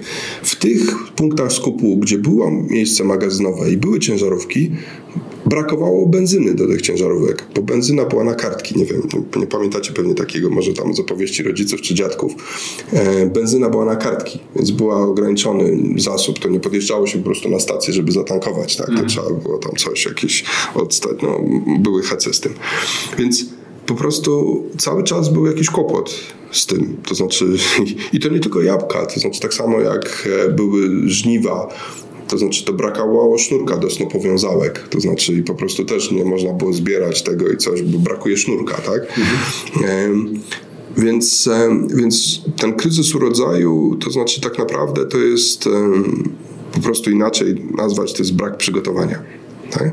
I coś, co możecie już trochę pamiętać, to w 1997 roku w Polsce, nie tylko w Polsce, ale powiedzmy też Słowacja, Czechy, Niemcy, Austria, jakby ten region, mieliśmy pandemię. Tylko nie koronawirusa, to była powódź tysiąclecia. I, I też codziennie, wtedy chyba nie było internetu, albo przynajmniej nie, nie trafił pod strzechy. Nie wiem, czy ja miałem w filmie, pewnie chyba jeszcze nie, ale były doniesienia medialne, czyli radio, telewizja przede wszystkim, radio. I co godzinę podawali stany wód na Odrze, na Nysie, na, na, nie wiem, na Wiśle gdzieś tam, to znaczy w, na Bugu, w poszczególnych miejscach i, i mówili, ile centymetrów brakuje do stanu ostrzegawczego, albo został już przekroczony o ile centymetrów, ile brakuje do stanu alarmowego i tam jakiegoś jeszcze, to znaczy o ile został przekroczony i tak dalej. I, I mieszkańcy, ci, którzy mieszkali gdzieś blisko rzeki, no a właściwie to praktycznie większość z nas, to znaczy to martwili się, że ma przyjść ta fala kulminacyjna powodzi. To znaczy i, i też um, tak jak dzisiaj, znaczy tak jak może dzisiaj to już się ludzie zmęczyli tym, ale no też obserwowali ile tych zachorowań, ile tam coś, to znaczy... Ale ludzie to uwielbiają, to jest gamifikacja danych, że wiesz, że codziennie możesz sobie śledzić jakiś kolejny słupek. Tak? tak to, że tak. czy, czy to dotyczy, czy to nie dotyczy, nie ma znaczenia. Tak, to tak. chodzi o to, że możesz siedzieć i coś śledzić. Śledzić, I, tak. I później opowiadać, słyszałeś, tak. słyszałeś, dzisiaj 300, a wczoraj było 250, to znaczy, tak. że mamy ogromny przyrost. I, I to wiesz, a sąsiadka, no to powie ci coś tam, coś. Tak, dokładnie. I wiesz, i tak samo jak w, powiedzmy w marcu, jak przyjechałem do Polski i, i były te, te, powiedzmy, no nie wiem, nagle przestało, zabrakło gotówki w bankomatach, to znaczy w, papier toaletowy ludzie wykupywali i coś tam, mhm. tak? No to w 97 było tak samo, też wykupywali papier toaletowy, też tam powiedzmy, okej, okay, teraz maseczki zniknęły, wtedy znikały pontony, tak? To znaczy jakieś tam, e, jak się nazywa, wiosła, tak? To znaczy gumowce. Tak, maseczki, pontony spróbujcie, spróbowalibyście w marcu kupić sobie jakieś ciężary do domu albo trampolinę dla dzieci. To też w ogóle wymiotło cały rynek tak, zupełnie. Tak, Ale dokładnie. Coś z tym papierem toaletowym. To po prostu widać, że w każdym kryzysie jest tak, tak. Następny kryzys kupujemy od razu ciężarówkę. Tak, od razu fabrykę. tak. I wiecie, i po prostu więc, więc więc ludzie zaczęli kupować też takim towarem kryzysowym wtedy były worki. Mhm. Worki, w których się wysypywało piach i potem ten worki powiedzmy się układało wokół, wokół domu, e, żeby zabezpieczyć tam piwnice, wejścia, inne. E, ale też częściowo ludzie jakby skrzykiwali się sąsiedzi, i zamiast usypywać te worki z piachem wokół swojego domu czy swojego podwórka, to oni woleli te worki zanieść na wały przeciwpowodziowe. Znaczy, bo słusznie uznali, że to jest dużo skuteczniejsza metoda, żeby walczyć, żeby przygotować się po prostu na tę falę kulminacyjną, jak przyjdzie, tak? To znaczy. No i teraz tak naprawdę to znaczy ten kryzys powiedzmy urodzaju, ta, ta, ten e, powódź tysiąclecia i ten koronawirus, bo, bo też taka refleksja, którą miałem, to że to, że my żeśmy, my, znaczy na rząd postanowił zamknąć w ogóle całą gospodarkę, wszystko, mhm. szkoły, przedszkola, zamknąć nas w domach i tak dalej, to według mnie wynikało tylko i wyłącznie z braku przygotowania. Bo ja byłem w krajach, to znaczy, no nie wiem, Singapur, Australia, Nowa Zelandia, teraz w czasie trwania tego koronawirusa, tak? I tam po prostu byli przygotowani do tego koronawirusa. Wiedzieli, że trzeba testować, to znaczy, że trzeba odizolowywać, separować chorych od zdrowych, mhm. tak? Że jak ktoś jest chory, to trzeba zrobić pracę detektywistyczną, żeby dojść do tego, z kim on miał kontakt w ciągu ostatnich siedmiu dni, pytając go, ale też sprawdzając kamery, te, które są na mieście i gdzieś tam, to znaczy e, zapisy z tych kamer, to znaczy, żeby sprawdzić, kogo on mógł jeszcze zarazić i do tych ludzi dotrzeć, wszystkich, i ich wszystkich przebadać i znowu tych, którzy są chorzy odizolować, a ci, którzy są ok, ok i tych chorych znowu zrobić pracę detektywistyczną, żeby dojść do tego, kogo oni mogli za, zarazić, tak? I, I to była metoda, która więc na przykład w Singapurze policja do tego była zatrudniona. Nie do tego, żeby jeździć po mieście i wlepiać ludziom mandaty, to znaczy po 30 tysięcy złotych, to znaczy tylko do tego, żeby pomagać lekarzom docierać do tych, którzy mogli być zarażeni, tak? To znaczy, więc ja widziałem, że można to było inaczej rozwiązać. Ale my żeśmy po prostu przyjęli tutaj takie drakońskie rozwiązanie. Więc konkludując jakby tę część, jakby dochodziłem do wniosku, że tak naprawdę kryzys zdrowotny, czy kryzys taki epidemiolo- epidemiologiczny, czy kryzys urodzaju, czy jakiś inny kryzys, to, to jest kryzysem, jak jesteśmy nieprzygotowani. I, I dlatego ja radziłem ludziom, słuchajcie, zamiast zgadywać, czy będzie ten kryzys i jak on będzie długi, czy głęboki, czy taki, czy siaki, po prostu przygotujcie się. To jest dużo lepsze. I, i, i dużo ludzi do mnie dzwoniło w marcu, w drugiej połowie marca, na początku kwietnia, teraz już trochę mniej, ale ogromnie dużo ludzi do mnie dzwoniło, żeby zapytać, to znaczy, co, co ja myślę, czy, czy się boję, czy coś. I, I ja byłem w szoku. Ja w ogóle się nie bałem tego kryzysu. Ale nie dlatego, że jestem taki chojrak, to znaczy, że po prostu, że już prawie umieram i co mi tam przeszkadza, no to znaczy, ale dlatego, że ja po prostu do tego kryzysu przygotowałem się od 98 roku. I, Ja nie boję się tego kryzysu, nawet jak on by był głę- głęboki, bo właściwie nie wiadomo, jaki on będzie. To znaczy, czy przyjmie literę V, że jakby głęboka zapaść, szybko odbicie się od dna i znowu wzrost, czy przyjmie literę U, gdzie będziemy trochę po tym dnie szorować przez krótko i dopiero wtedy się odbijemy, czy będzie to litera L, gdzie powiedzmy będziemy bardzo długo szorować po dnie, tak jak na przykład, nie wiem, Japonia od tam 20 czy 30 lat właściwie szoruje po dnie i nie może jakoś się wydos- wydobyć. E, Czy też to będzie kryzys w kształcie takich dwóch literek I, czyli albo symbolu pauzy, to znaczy interwencja rządu, która zatrzymała gospodarkę i interwencja rządu, żeby to od, odmrozić i pozwolić iść dalej, tak? I po prostu, więc, więc tak naprawdę to zamiast być jakąś burzą czy jakimś kłopotem, będzie po prostu, no tak, taką krótkotrwałą burzą, tak? Zamiast zimą stulecia. Więc bez względu na to, to znaczy jak ten kryzys miałby wyglądać, to ja się go, ja jako, ja osobiście w ogóle nie przejmuję. I To, co mi się podoba w Twojej strategii, gdzie przeglądałem różne jakieś tam materiały, którymi się dzieliłeś w internecie, Twoje wystąpienia na TEDxie chociażby, e, to, co mi się podoba, to jest to, że Ty patrzysz bardzo długoterminowo na nieruchomości. Ja myślę, że to jest jedyna słuszna strategia. E, I w tej długoterminowości jakby nie patrzy się na tego rodzaju wydarzenia, bo jak myślisz sobie, że i tak te nieruchomości będziesz miał przez 10, 15, 20, 30 lat, a może nawet twoje dzieci je przejmą, to, to tego rodzaju kryzysy nie mają znaczenia. To, no, to są jednostkowe sytuacje, na których może troszeczkę więcej zyskasz, może trochę więcej stracisz, ale w dłuższej perspektywie czasu to nawet zapomnisz o tym, tak? Ile tam dokładnie procent straciłeś w tą czy w tą, tak? Tak. No tak, Jeżeli tak. nie zrobisz żadnych głupich e, akcji, Tak, typu tak. lewarowanie na maksa. no tak. No a właśnie naj- chyba najgłośniej krzyczą ludzie, którzy e, weszli w bardzo, bardzo e, takie spekulacyjne w ogóle inwestycje, gdzie właściwie to roi się ledwo co spinało przy obecnej sytuacji, liczyli Tak. na wysokie wzrosty wartości nieruchomości i czynszu przy okazji.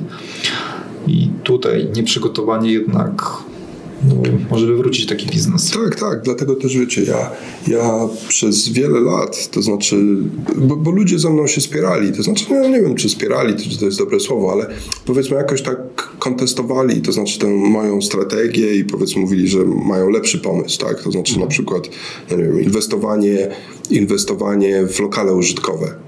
Znaczy, bo tutaj nie ma problemu z ustawą o ochronie praw lokatorskich, tak? Chociaż w ogóle to też jest jakiś mit, bo jakby no my mamy 6 tysięcy mieszkań i jakoś ustawa o ochronie praw lokatorskich nam nie przeszkadza, tak? Więc nie wiem dlaczego kto, ko- komuś, kto miałby mieć jedno czy pięć, miałaby jakoś przeszkadzać. Jak Ale- robić selekcji dobrej? No tak, no ale to wiesz, to jakby nawet nie było tej ustawy, to i tak by po prostu Ale to jest o tym, co ty mówisz teraz, że ludzie się boją ustawy o, prawie, o mm, ochronie praw lokatorskich, e, bo słyszeli jakąś tam historię. Tak. To jest trochę nawiązanie do tego, o czym ty rozmawiałeś z Miłoszem Ludzińskim parę odcinków e, temu, że ludzie lubią e, takimi legendami się żywić, że że ktoś tam kiedyś coś zrobił, tak, że tam, tam było, że babcia najadła się rdzy, żeby coś, tak. nie pamiętam tej, tej historii, ale chodziło o to, że ludzie lubią przekazywać takie mity, jednostkowe tak, tak. sytuacje. To, że 98% czy 99,8% e, wynajmujących nie ma problemu z najemcami, bo dobrze ich dobierają i później wszystko jest ok tak. i żyją z tego i jakby czerpią same korzyści, to nie ma znaczenia. Ale że ta jedna osoba, która straciła wszystkie, cały dorobek swojego życia przez jednego, e, jedną rodzinę, która jest patologiczna i po prostu zrobiła im tam ogromne problemy i wylądowali w sądzie, 10 lat się próbują odzyskać tą nieruchomość, to to jest najważniejsze, tak? Że nie będę mówił o nieruchomości, bo to jest mega ryzykowne. Jestem w szoku. Słuchałeś mojego odcinka. Słuchałem, nawet powiedziałem, że jest bardzo dobry. I e, nawet mój znajomy napisał do mnie, że niewiarygodnie, super, nie, nie, nie napisał, że niewiarygodny, tylko napisał, że super odcinek, e, zresztą czego się spodziewać nie byłeś w nim, więc... więc może lepiej jak mnie tu nie ma po prostu. No to masz znajomego, musisz robić selekcję znajomych. Tak, tak. tak. Są takie głosy na mieście, są takie głosy na mieście, Paweł. No. Bo ci wyłączę mikrofon, pamiętaj, że ja mam tutaj. Więc, e, więc tak, rzeczywiście są takie wokół, wokół inwestowania narosło wiele mitów. Ale E, więc, więc tak, rzeczywiście patrzę długoterminowo i to jest kwestia właśnie takiego przygotowania i powiedzmy też e, przygotowania się również od strony strategii inwestycyjnej, czyli właśnie to, co mówiłem, że słuchajcie, no, chcecie inwestować w lokale użytkowe, okej, okay, super, ale pamiętajcie, że to jest bardziej ryzykowne. Mhm. To znaczy, a dlaczego jest bardziej ryzykowne? Podpiszę umowę z żabką na 10 lat, w ogóle mam zero ryzyka. Hmm, Okej, okay, tak ci się wydaje, ale wiesz, no, na przykład taka żabka, to znaczy to jak, jakakolwiek inna sieć, to znaczy ma taką politykę, że oni po prostu co roku 10% najsłabszych lokalizacji wycinają. Znaczy, słabo się sprzedaje poniżej tam czegoś, jakichś wskaźników, 10%. I akurat jeżeli to twoje będzie jednym, znajdzie się w tych 10%, no to sorry, ale wiesz, ty zatrudnisz najlepszych prawników, wydasz kupę kasy, ale żabka ma trochę lepszych jeszcze prawników, to znaczy i ty podpisałeś tam umowę, którą żeś nie doczytał i coś tam, coś tam, tak? E, poza tym jest tak, że nawet dzisiaj, jak się przejedziecie po Warszawie, e, przepraszam tych z Was, którzy nie mieszkają w Warszawie, tak? I zapadaję taki przykład, ale, ale dzisiaj, w ten weekend jechałem na skuterze, bo ja po mieście jeżdżę na skuterze i, i jechałem wczoraj alejami jerozolimskimi na odcinku od Ronda de Gola do Marszałkowskiej e, w stronę Marszałkowskiej, czyli po tej jakby po północnej stronie tej ulicy i widziałem nie liczyłem, teraz tak pomyślałem, że szkoda, że nie policzyłem, ale widziałem chyba z 7 albo 8 lokali opuszczonych. Mhm. Porzuconych, to znaczy przez najemców, tak? Dzisiaj czy wczoraj rano widziałem tak samo na Alei Jana Pawła, jadąc powiedzmy z Żoliborza od Arkadii w kierunku centrum, też po prawej stronie, czyli po zachodniej stronie tej ulicy. Też widziałem tam po prostu bardzo dużo porzuconych lokali użytkowych. Znaczy porzuconych w sensie, że nie ma najemcy, tak? I powiedzmy zamiast wystawa to tam zalepione tam, nie wiem, e, papierem, czy, czy gazetami, czy czymś. Więc to jest po prostu ryzykowne, dlatego że e, lokale użytkowe mają taki sam cykl jak cała gospodarka, jak cała koniunktura po prostu. Mhm. I to samo dotyczy jak się okazało, miałem rację. Nie to, że mam jakąś specjalną satysfakcję z tego, ale też ludzie mówili, nie, nie, nie, tylko najem krótkoterminowy bez sensu jest taki, długoterminowy, jak ty to robisz, to znaczy, no, teraz się okazało, ok, ja nie wiedziałem, że będzie, że będzie akurat COVID, tak, to znaczy, ale że jakieś ryzyka są, to znaczy, no, są ryzyka biznesowe, są ryzyka też związane z, z, z um, legislacją, czyli regulacyjne, są ryzyka związane z, nie wiem, sąsiedztwem, że to przeszkadza, że coś tam, to znaczy jest jakby wiele ryzyk, tak. To jest też to, że jesteś uzależniony tak naprawdę od dwóch dostawców, od dwóch platform rezerwacyjnych, to znaczy, które mogą podnosić ceny, mogą coś, mogą zbankrutować, mogą tam, nie wiem, system może im się zawalić, no jakby różne rzeczy są, no, tak. nawet sposób rekomendacji danego, danej nieruchomości. Podpiszą umowę z jakimś dużym dostawcą nieruchomości i nagle zaczną próbować tylko te nieruchomości. No tak. Znaczy, jest to, bo, y, że ludzie o tym jakby inwestują tam, gdzie jest większe ryzyko i mają większe ROI. I irytujące jest to, że często narzucają, próbują narzucać swoją metodę innym. Ludzie Tak. mówią, nie, ty, ty źle robisz, tam głupio, bo tam, nie wiem, nie inwestujesz w to i w tamto. Natomiast no, każdy ma jakąś swoją strategię i w nieruchomościach to jest fajne, że każdy ma swoją drogę i tam może ją Tak. znaleźć sobie Tak. jak chce. Tak. Trochę też tak, że w zależności od tego, to, to też często mówimy, mamy takie szkolenia online, w którym mów, rozmawiamy o tym, jak inwestować w nieruchomości, jak kupić swoje pierwsze mieszkanie na wynajem. I tam próbujemy odpowiadać na pytania naszych, y, naszych uczestników tego szkolenia. I, I ci ludzie bardzo często zaczynają od tego pytania właśnie w co inwestować, tak? Czy dzielić mieszkania na pokoje, wynajmować studentom, czy kupić jedno duże mieszkanie. Bo kuzyn tak robi. Tak, czy wynajmować na krótki termin, bo wtedy są większe przychody. I tam jeszcze kilka strategii. tak. I, i, I zawsze zaczynamy od tego, jakby jaki jest twój cel. Tak jak ty miałeś cel ileś tam lat temu, żeby przejść na, na, na, na taką emery- emeryturę nieruchomościową, tak samo każdy ma jakiś tam swój cel kupując tą nieruchomość. Jeden ma cel taki, żeby zabezpieczyć po prostu gotówkę, drugi ma cel taki, że chce zwiększyć swoje przychody, bo potrzebuje na coś, albo chce na przykład zastąpić swój etat takim biznesowym, takim nieruchomościowym biznesem, tak? Co, czy to będą kwatery pracownicze, czy najem na krótki termin, czy cokolwiek innego, to to jest biznes, tak? Więc za, trzeba zadać sobie na początku te dlaczego, Po co? tak? Tak. Po co? Tak. I dopiero do tego dobierać strategię. I jeżeli twoja strategia akurat się tak em, połączy, że te, em, te, te lokale usługowe spełniają twoje po co czy dlaczego i jesteś świadomy tego, jakie masz ryzyka i wiesz, że musisz dwa razy więcej pracować, na przykład, żeby utrzymać tego najemcę albo coś tam innego, bo akurat na lokalach użytkowych to chyba najmniej się znam, ale, ale e, na pewno są jakieś rzeczy, które musisz, musisz zrobić inaczej, żeby być lepszym niż większość, tak? Tak, tak. Więc y, jeżeli tylko to ci się jakoś spina, no to super, tak? Tak, tylko nie ma sensu mówić, że to jest najlepsza strategia, bo każdy ma inną, Nie, inne, inne po co. Każ, każda jest dobra, to znaczy, jeżeli, jeżeli pozwoli ci osiągnąć twój cel, tak? To znaczy przy racjonalnym poziomie ryzyka.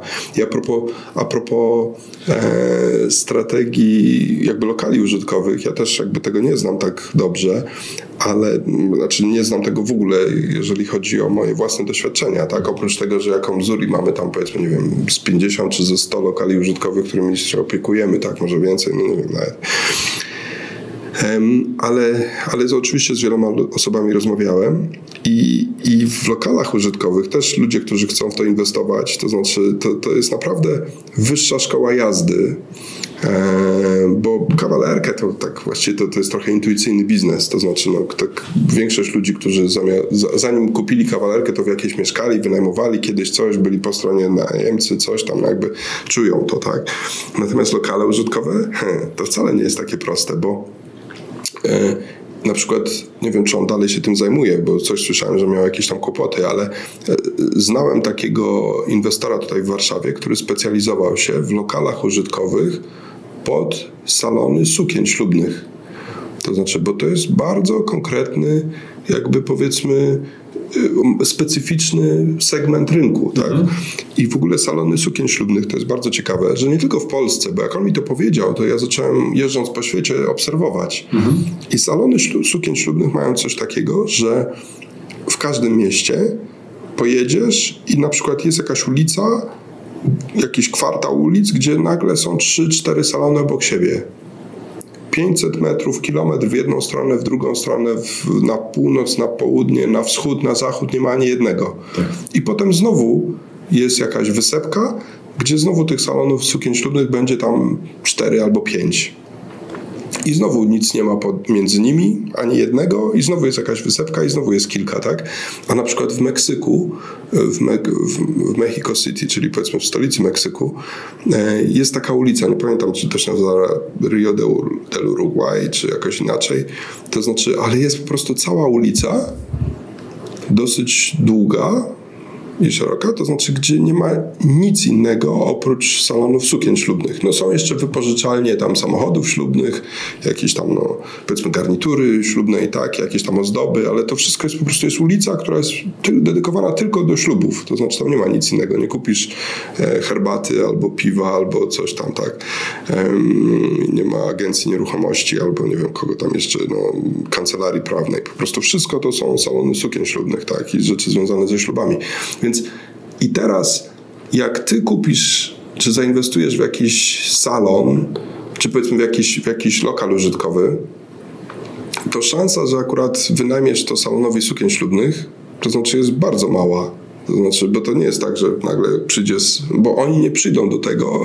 Oni chcą wynająć gdzieś, gdzie jest trzy czy cztery inne. To znaczy, z kolei ten, który inwestuje, on wie, czego ten salon szuka, ile to musi mieć metrów kwadratowych, jaka musi być ekspozycja, ile ma być te, powiedzmy tej, tej witryny i tak dalej, bo to jest najważniejsze w salonie sukien ślubnych, tak, żeby była duża witryna i jakby duża ekspozycja.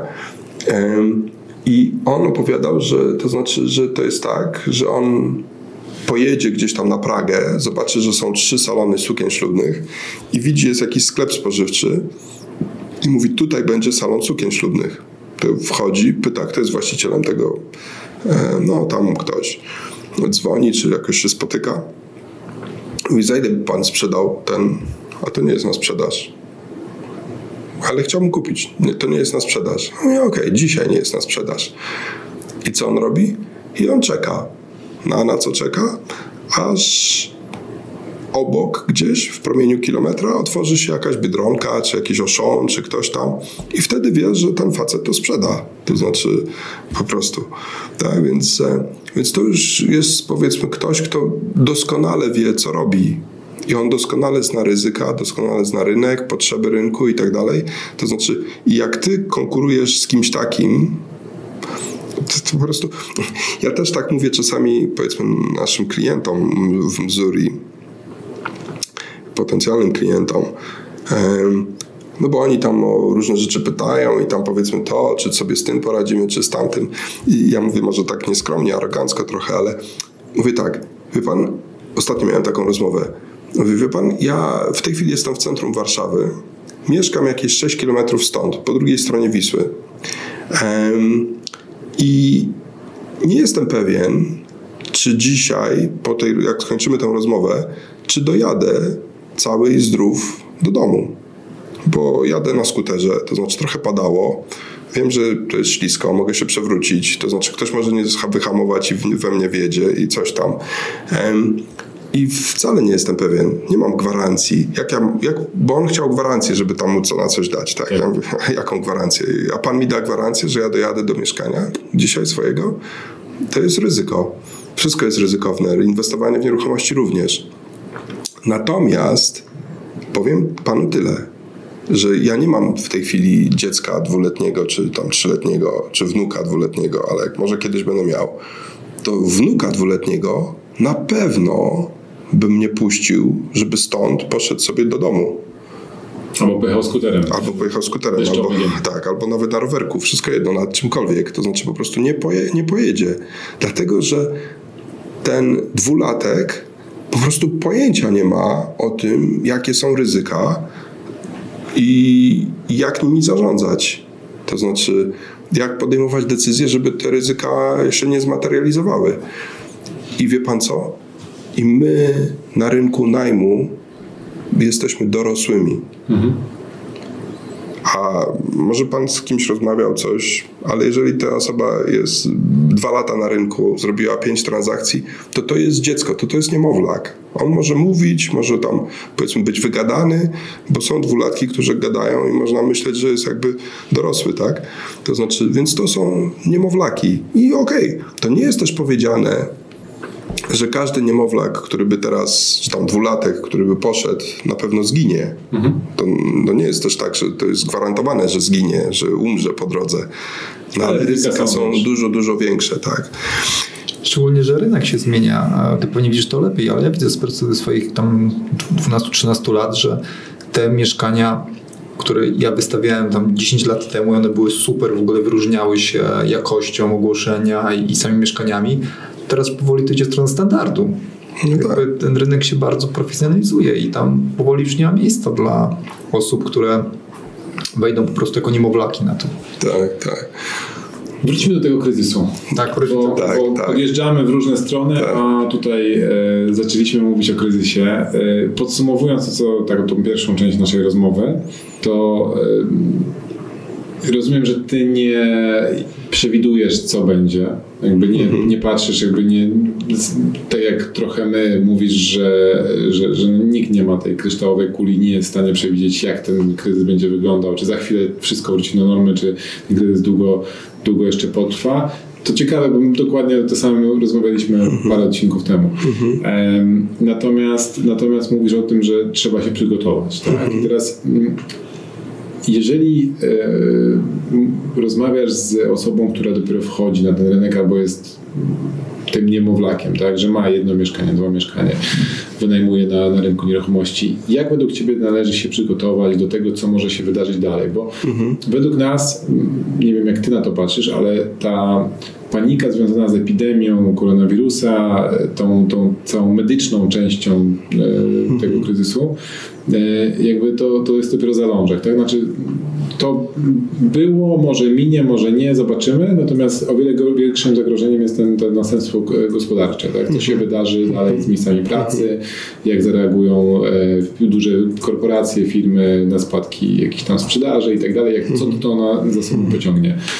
E, Jak według Ciebie należy się przygotować do tego, co może się wydarzyć? Em, Tak, bo, bo absolutnie super to podsumowałeś, bo nie ma co się zastanawiać. To też był taki jeden z założycieli chyba, czy powiedzmy menadżerów takiego dużego funduszu inwestycyjnego Oaktree, e, jakiś pan, który ma na nazwisko Marx, a imienia teraz nie pamiętam, czy Howard Marx, czy jakoś. To znaczy powiedział, że po prostu on, oczywiście jego firma głównie inwestuje powiedzmy na giełdzie i, i tak dalej, ale mówi, że nie da się przewidzieć ale da się zaplanować. Tak? Więc po prostu też się skup na planowaniu. I teraz jak się do tego przygotować? To właściwie są dwa sposoby przygotowywania się. To znaczy tak, jest to, co możesz zrobić sam czy sama, czy samodzielnie, tak? To znaczy e, i coś, co możemy zrobić wspólnie. Tak? E, I teraz tak, samodzielnie no to znowu w zależności od tego, czy twoje mieszkanie jest wynajęte, czy jest puste, zacznijmy od tego, że jest puste, no to postaraj się jak najszybciej znaleźć najemcę. Bo problem z tym, z tym kryzysem teraz, który może nadejść, będzie to, że z jednej strony jest podaż duża, popyt mniejszy może być, jest ta psychiczna zmiana też, tak, oczekiwanie właśnie tego że ceny będą spadać, więc część właścicieli panikuje. Z kolei najemcy usłyszeli, że mogą negocjować, no to jakby wywierają presję, tak?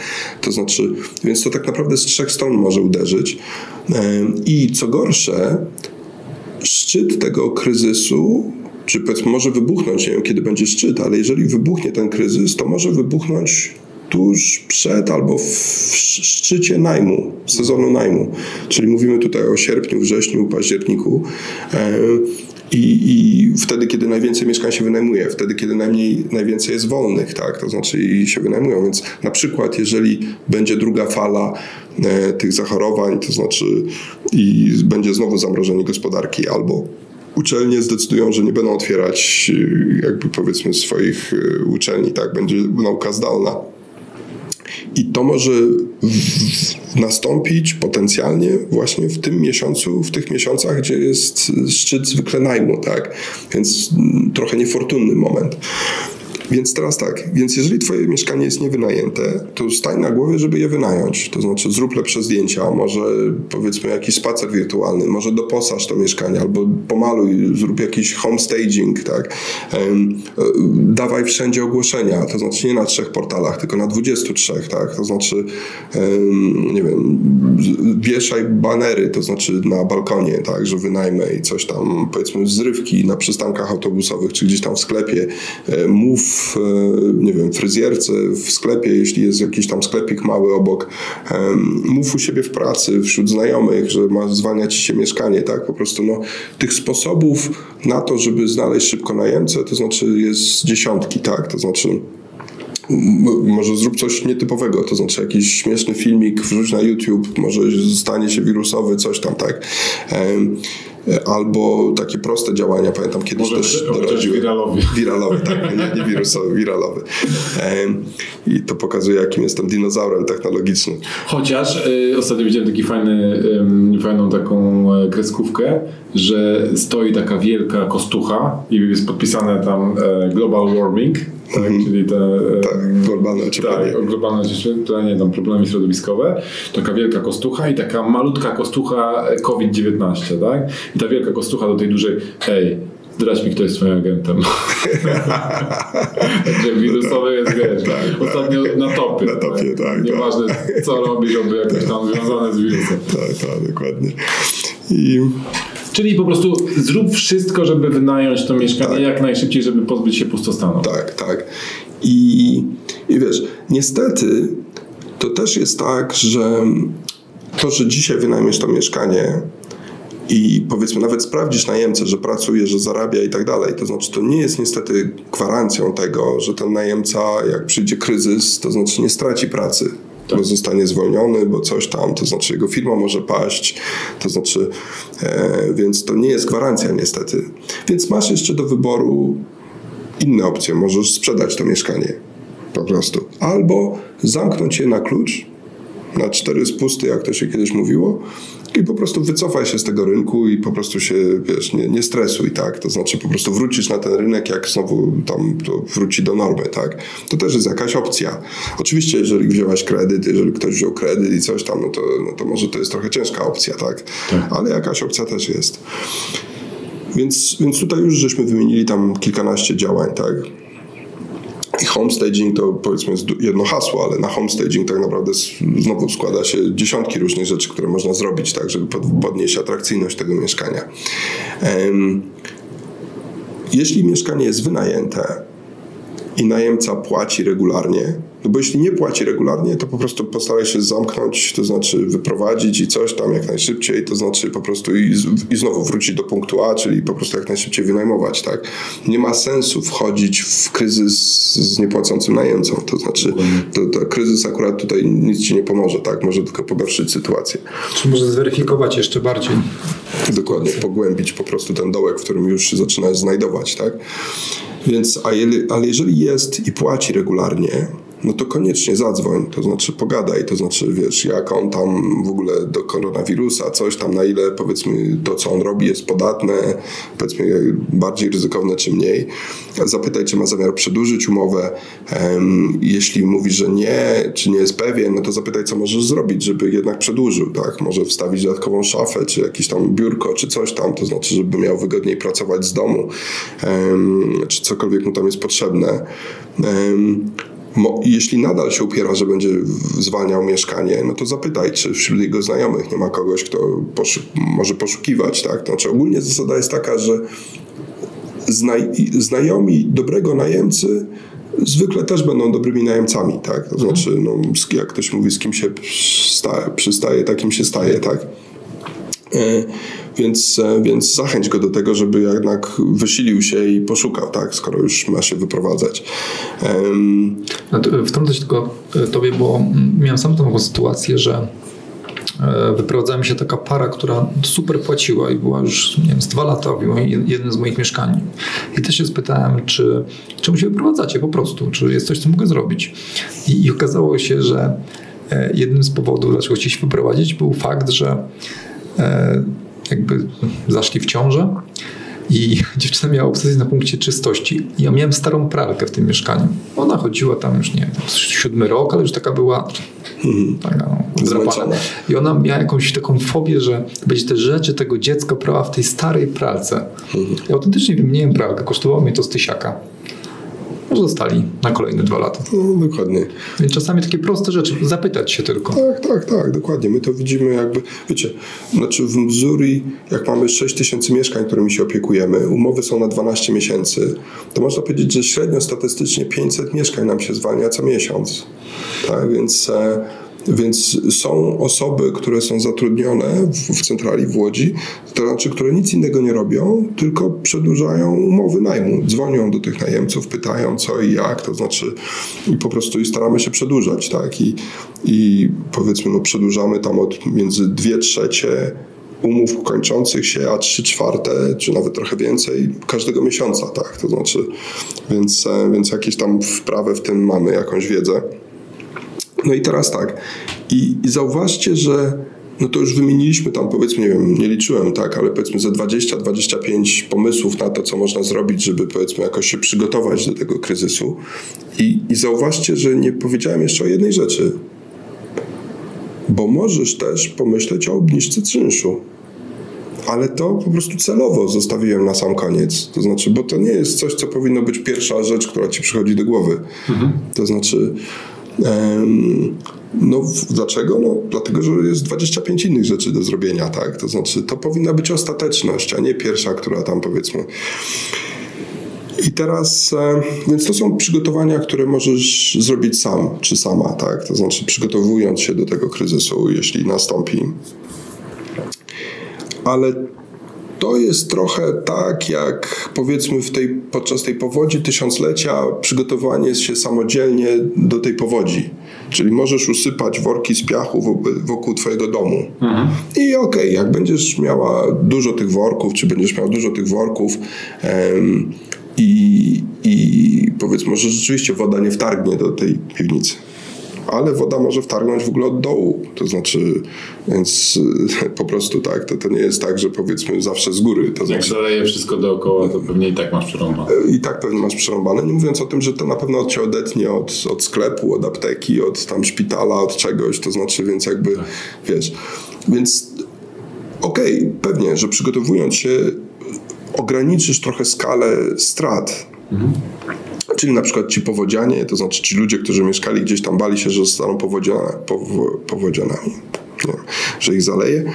To znaczy przenosili sprzęty z piwnicy na strych, tak? Meble z salonu na dole też na strych, tak? To znaczy, no, tu przynajmniej ci powiedzmy nie zniszczy tych mebli, tak? To mhm. znaczy całkowicie, tak? Więc, e, więc coś to daje, ale no i tak może nie rozwiązać problemu. Więc dlatego my żeśmy zaproponowali, żeby, żeby przygotowywać się wspólnie tak? No i jedną z tych rzeczy to już mówiliśmy na samym początku, to znaczy dlatego zaczęliśmy dzielić się tymi raportami, to znaczy tą wiedzą na bazie tych 6 tysięcy mieszkań, żeby ludzie podejmowali decyzje racjonalne, żeby właśnie, żeby nie śpieszyli się do takiej obniżki czynszów, bo, bo tam w tych raportach też mówimy, ilu z tych 6 tysięcy najemców, znaczy najemców jest więcej powiedzmy, no bo to są też mieszkania na pokoje, coś, to znaczy ale powiedzmy z tych 6 tysięcy, ilu tak naprawdę poprosiło o, o, zniżkę? jak to argumentowali. I w ilu przypadkach się zgodziliśmy. I ta zniżka, jaki procent stanowi w ogóle całych przychodów z najmu tych 6 tysięcy mieszkań, tak? To, to te, te, informacje zawarliśmy w tym raporcie, żeby, żeby ludzie widzieli, że to nie jest jakieś masowe zjawisko, to znaczy i teraz trzeba od razu po prostu obniżać cenę, tak?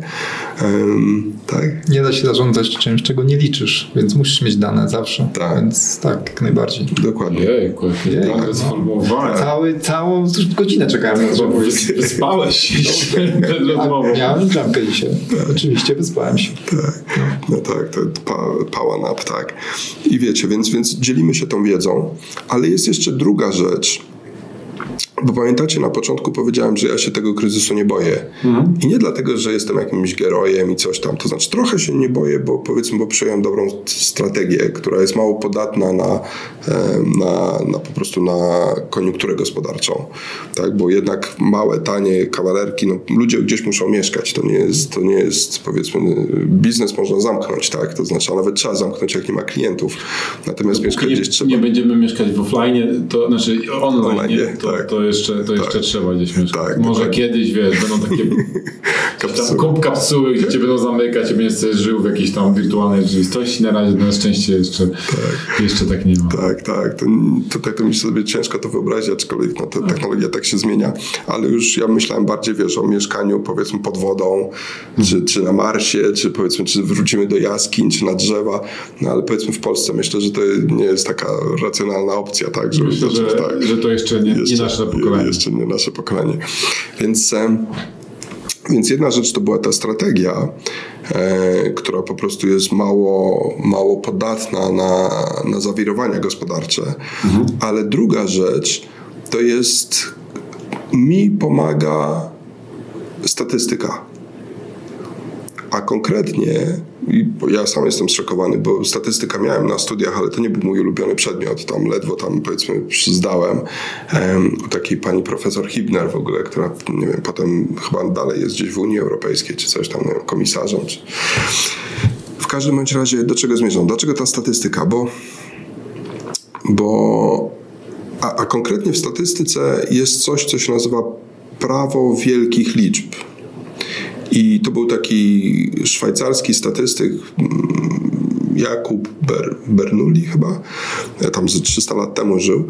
I on zaobserwował coś takiego, że jeśli próba statystyczna, jeśli próba jest wystarczająco duża, to częstotliwość zdarzeń losowych praktycznie równa się prawdopodobieństwu wystąpienia tych zdarzeń losowych.